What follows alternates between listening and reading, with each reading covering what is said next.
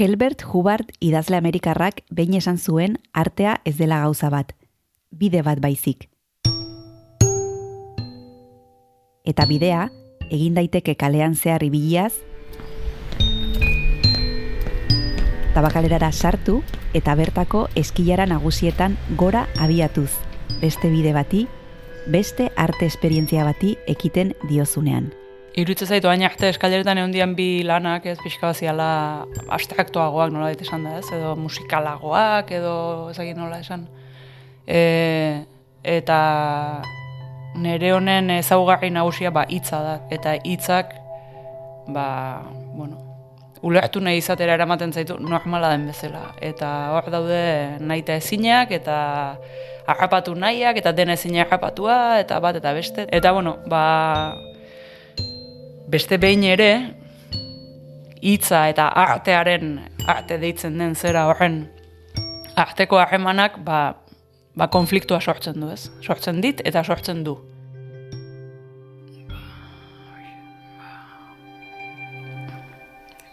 Zabal, Euskalo. Begira da zabal.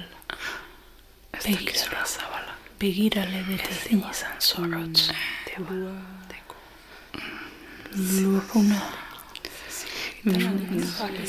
Zein. Hartzeko. Kristina Tapia huizi naiz eta hau tabakalera da. Hartzeko bizi puska bat. Kolokatza. Bihurtzeko. Forma guztia. Bi astean behin, esperientzia berri bat proposatuko dizugu.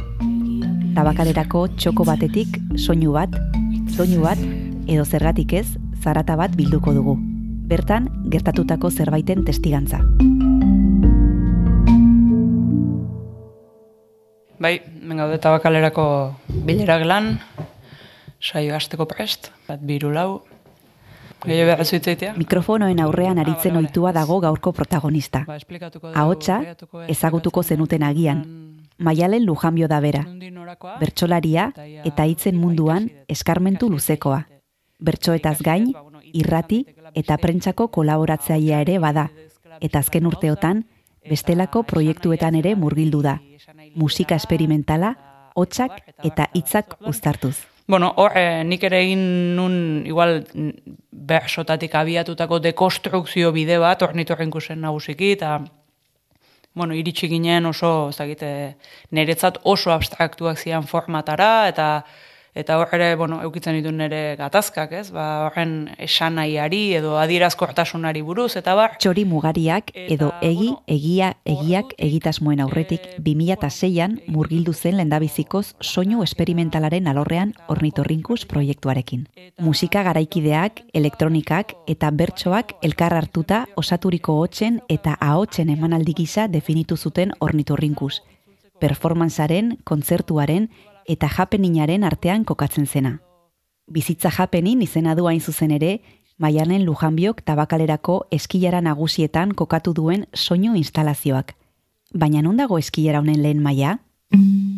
Bai, izatez, oen gaur egun eskaleretan jarrita da hon e, soinu pieza edo horren abia puntua, ez da oengoa, aurretik, e, bain dala urte batzuk gertatutako pasarte edo nik ikusitako pasarteaten oinarritua da, ba, bueno, aspalditik nebilkila buruan, ez? Orduan, bueno, nik hemen e, tabakalerako eskalera nagusian atzean ba, besterik gabe pasa nintzen baten tokatutako pasarte bada.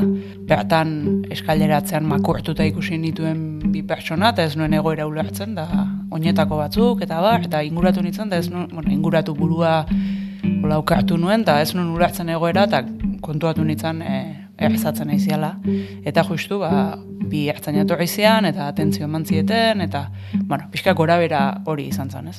Eta, bueno, ba, horrek eh, ze pentsa sortu zian, e, hola, barne gatazka pixkat e, geopolitikoa eukinun nere barrun, eta etikoa, eta, bueno, planteamentuzkoa, eta posizioa, eta pixkat e, ni nor, nor naiz, ez, egoera hontan, ez? Eta bueno, handik gerora proposatu zidatenean eskailera nagusian kokatzeko soinu pieza bat egitea, ba, ba ezinbestean pixka zurrumurra buruan nebilkin eta ari heltzeko ez nun inungo dudarik euki eta pixka bat ja beste modu batera garatu alizateko ez. Hain zuzen ere eskailereatan, eskailera atzean gertatutako zerbait zalako eta bueno, ba, erabat pertinentea irutzen zitzaidan, ba, hain zuzen bertan gertatutako zerbaiti heltzea, ezta. Ba, nik uste izenburuak berak ja horreri egiten diola, ez? Hor dago izjoku bat, ez? E, Milango eskala, bai? E, e, zera, opera hundiarena eta eskalerarena, bai?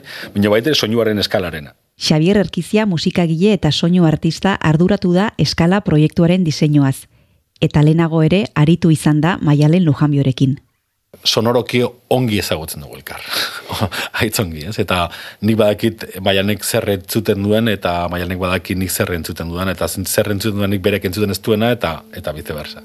Nik nire mamia baneukan, e, baneukan, baneuzkan testu idatziak, baneukan gutxorara esan nahi nuenaren forma bat, baina hori gauzatzeko modua, nola, nola grabatuko dugu hau, nola gauzatuko dugu hau, nola egin daiteke hau espazioan gerta dedin modu jakin batean, ba hori Xabi erkiziri zor diot, ba, berak pixka bat nere idearekin, edukiekin, eta nere gogoeta eta buru jate guzti hauekin e, lagundu zidalako planteamentu konkretua egiten e, grabazio modu bat planteatzen gerora hemen efikaza izango zen edo ba, ondo egokituko zen modu batean gertaz edin e, audio instalazio hori. Orduan badide, bueno, badire alko auditorio experimental gizako batzuk, ez? Eta ideia bat bazen hori, ez? E, eta bakararen barruan alako auditorio bat eraikitzea soilik soinuakin, e, vertikalean. Iru solairuak hartzen, sortzi altaboz, e, e, vertikalen jarriak, eta hor bada erronka bat, ze hori naitare izin duzu ekarri beste leku batera. Hor gertatzen da, edo ez da gertatuko. Bai? Eta hor da propio instrumentu bat da. Erkiziak aipatzen duen instrumentu hau, tabakalerako eskilaretan kokatua dago. Gogoratzen duzu bideari ekin diogunean arte esperientzia bat aipatu dizu dala? Kafetegiko ate nagusitik sartu ordez, Kristina Eneako parkera ematen duen atetik sartzen bazara, pare parean topatuko dituzun eskilara eder eta zabaletan hause entzungo duzu.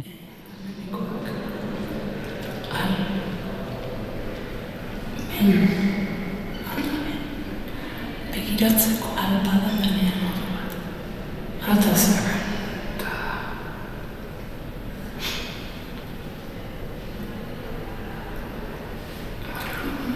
Denak zer. Lurretik aldanean. Denak zitagarri. Laburtzearen edo esan daiteke teorikoki bintzat, naiz eta pieza gero e, soinu pieza bakarra den, e, pixkat bi plano edo biltzen ditula, ez? Nola esan ezake plano horizontala eta plano vertikala edo, ez? Eta plano horizontala izango litzateke, ba, hasieran noen aipatu dizuedan e, pasartearen e, zentzua, kokapena, pixkat, gauza etiko, politiko, ideologiko hori, eta pixkat igual plano vertikalean gehiago garatuko litzateke errealitateko puska horren edo bizi puska horren garapena artistikoa egiteko garaian sortutako kezkak, kontraesanak, gogoetak.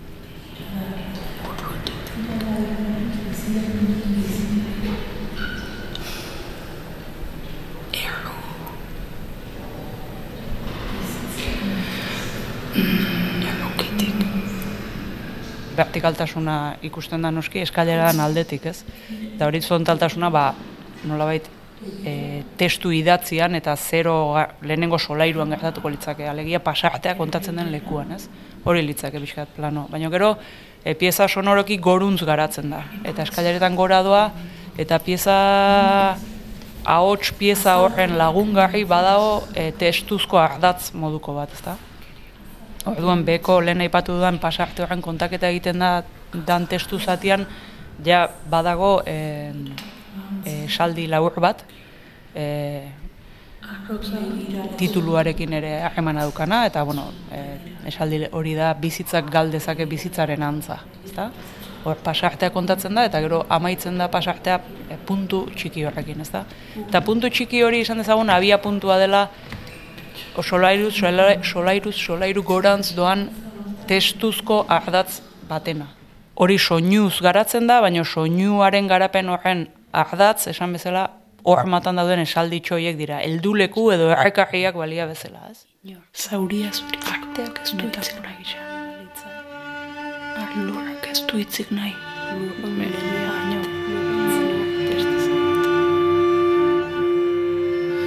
Bueno, hau da eskala, eta justu Milango eskala non erremeten, zuzendari gabeko orkesta bat bezala. Non orkesta eta audientzen arteko kontratua, ez da eguan, ez da ezarria. E, berregiten da aldi oro. Eta horrek, bueno, ies egiten dio musikaren logikari, el, musika latatuaren logikari zerrenkez, eskenatokiaren logikari, e, e, gorputzaren logikari, ez baita gorputzik, gorputza zerona jartzen zu, eta gainera mugimenduan, alegia soinua egiten, bai? Baita, nahi hori gustatzen zitzaidan, e, pieza horre dago eskaileretan, eta gaina nahiko modua palean eman da, eta orduan uste gabe, edo ibili handi joanari pixka bat, e, e, nolabait, e, zeharka sartzen zaio, igual bere konversazioen barruan, ez? Hola, bai joazte, ba, demagun bi laun eskaileretan, eta ahots hori sartzen da konversazio horren barruan, modu ahots natural bat bezala, ez? Eta beste, besteren bat izketan ari balitz bezala, ez? Eta orduan, nahi gabeko interakzio hori gustagarria zitzaidan a priori, ez? Eta gustagarria zait. Eta dut maialen instalazioa gainera horri egin dela referentzia, ez? Publiko eta pribatuaren arteko muga horri. Eta hor gertatzen diren, ez?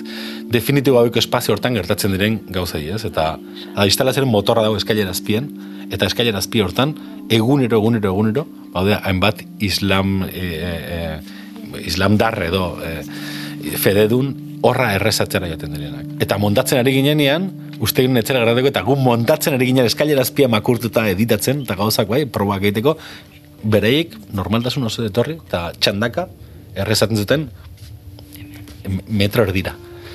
Eta gu berain errezo entzuten, eta jo, violentoa zen, ze, claro, intima, baina beraintzako ikaragarri normala.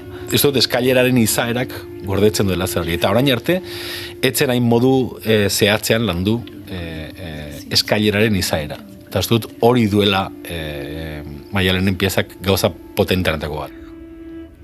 Itz begira, begira.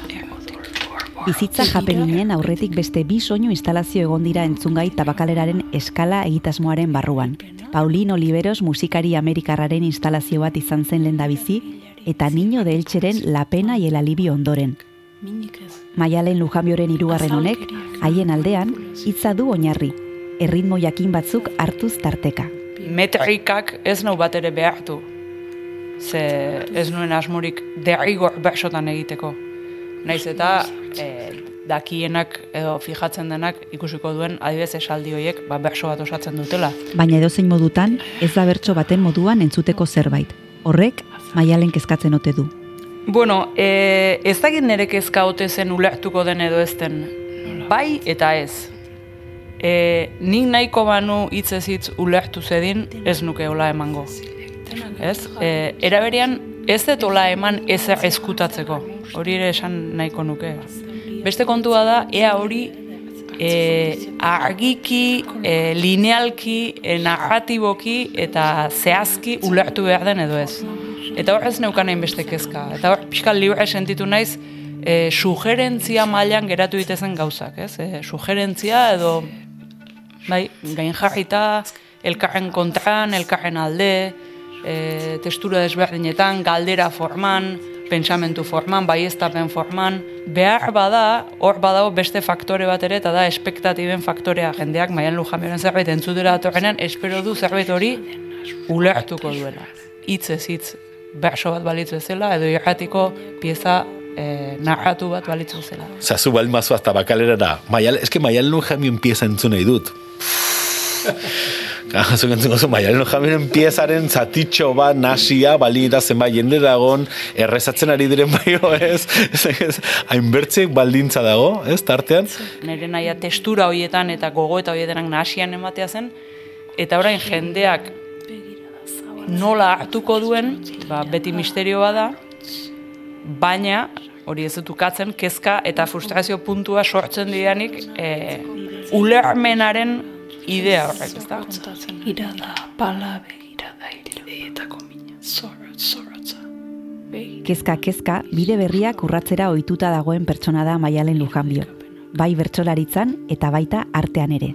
Nolabait, e, lehen aldia daulako zerbait egiten detena, eta baita irikitzen dizu posibilidadea imaginatzeko olako bestelako forma batzuk, ez da? Eta bestelako aukera batzuk, ja pixka bat, e, ez e, espositibo, fisiko, instalazio mailakoak izan daitezkenak, eta ez, bapatean jartzen zaitu nahi gabe pentsatzen beste era bateko gauzak ere egin daitezkela, edo egin ditzakezula e, jende aurreko emanaldi ez, aparte edo bestelakoak ez. Orduan, ba, polita e, interesgarria netzat, eta, bueno, putzu ontara salto egitea, eta espero dut ito gabe ateratzea, eta, bueno, ba, jagitea, olako putzuak ere asmatu daitezkela, edo existitzen diala. Edo. Ez dakit, ni oso interesgarri zait, edo egiten zait, eh, eskalak proposatzen duen esperimentu txiki hori. Bai? Eta ni uste dut gutxienez olako saiakera batzuk proposatzeko daudela gure paisai hortan ditugun kulturzentru eta museoak, ez? Haixu zen, gauzak ulertzeko, da, ulertzeko, da, gauzak jasotzeko modu ezberdinak e, e, emateko aukera hortan. Ez? Hori dela beraien funtzio nagusiena. Bizitzaren narrazio, baina ezberdinak mai gainen jartzea. Ba, joan da, etorri zera eta itzultzen zeranean ez zaude lehengo toki berean, noski. Ba, pixkat espiralean bezala zoaz. Ba, zoaz bazatoz, baino etorrera puntu hori ba ez da lehengoaz, e, ikasi duzu, edo hausartu zera beste gauza batzuk egiten, eta hausardi, hausardi horrek, edo, edo lotxagabekeri horrek, edo burugabekeri horrek, ba, bueno, ematen du zer ikasi bat edo ez. Gaur da momentua kaso Joaneko aipatzen nizuen bideo hortan e, ez daukadana areago joateko gogorik askotan, baizik onago itzultzeko gogoa daukadana, ez? Zauria edartzak kamusten Joan etorriko espiral horretan sortu du Maialen Lujanbiok bizitza japenin instalazioa. Tabakalerako eskilara nagusietarako espreski egindakoa. Lurruntzen zauria aipatzeak Eskilarak igotzeko eta jaisteko dira. Edota nahi bada, bidean zoazen une hori entzuteko. Artea bidea baita, eta bideak soinua sortzen du.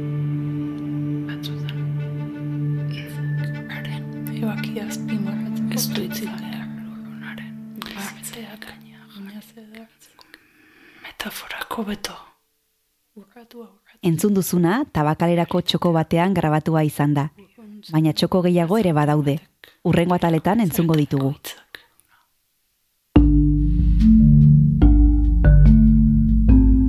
Gogoratu, audio plataforma guztietan entzun dezakezula tabakalera. Arpidetu eta gustatu baldin mazaizu lagun artean zabaldu. Urrengo atalera arte entzule.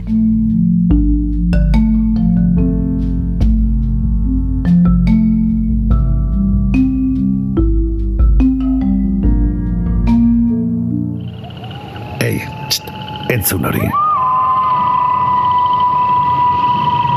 Ulu Media.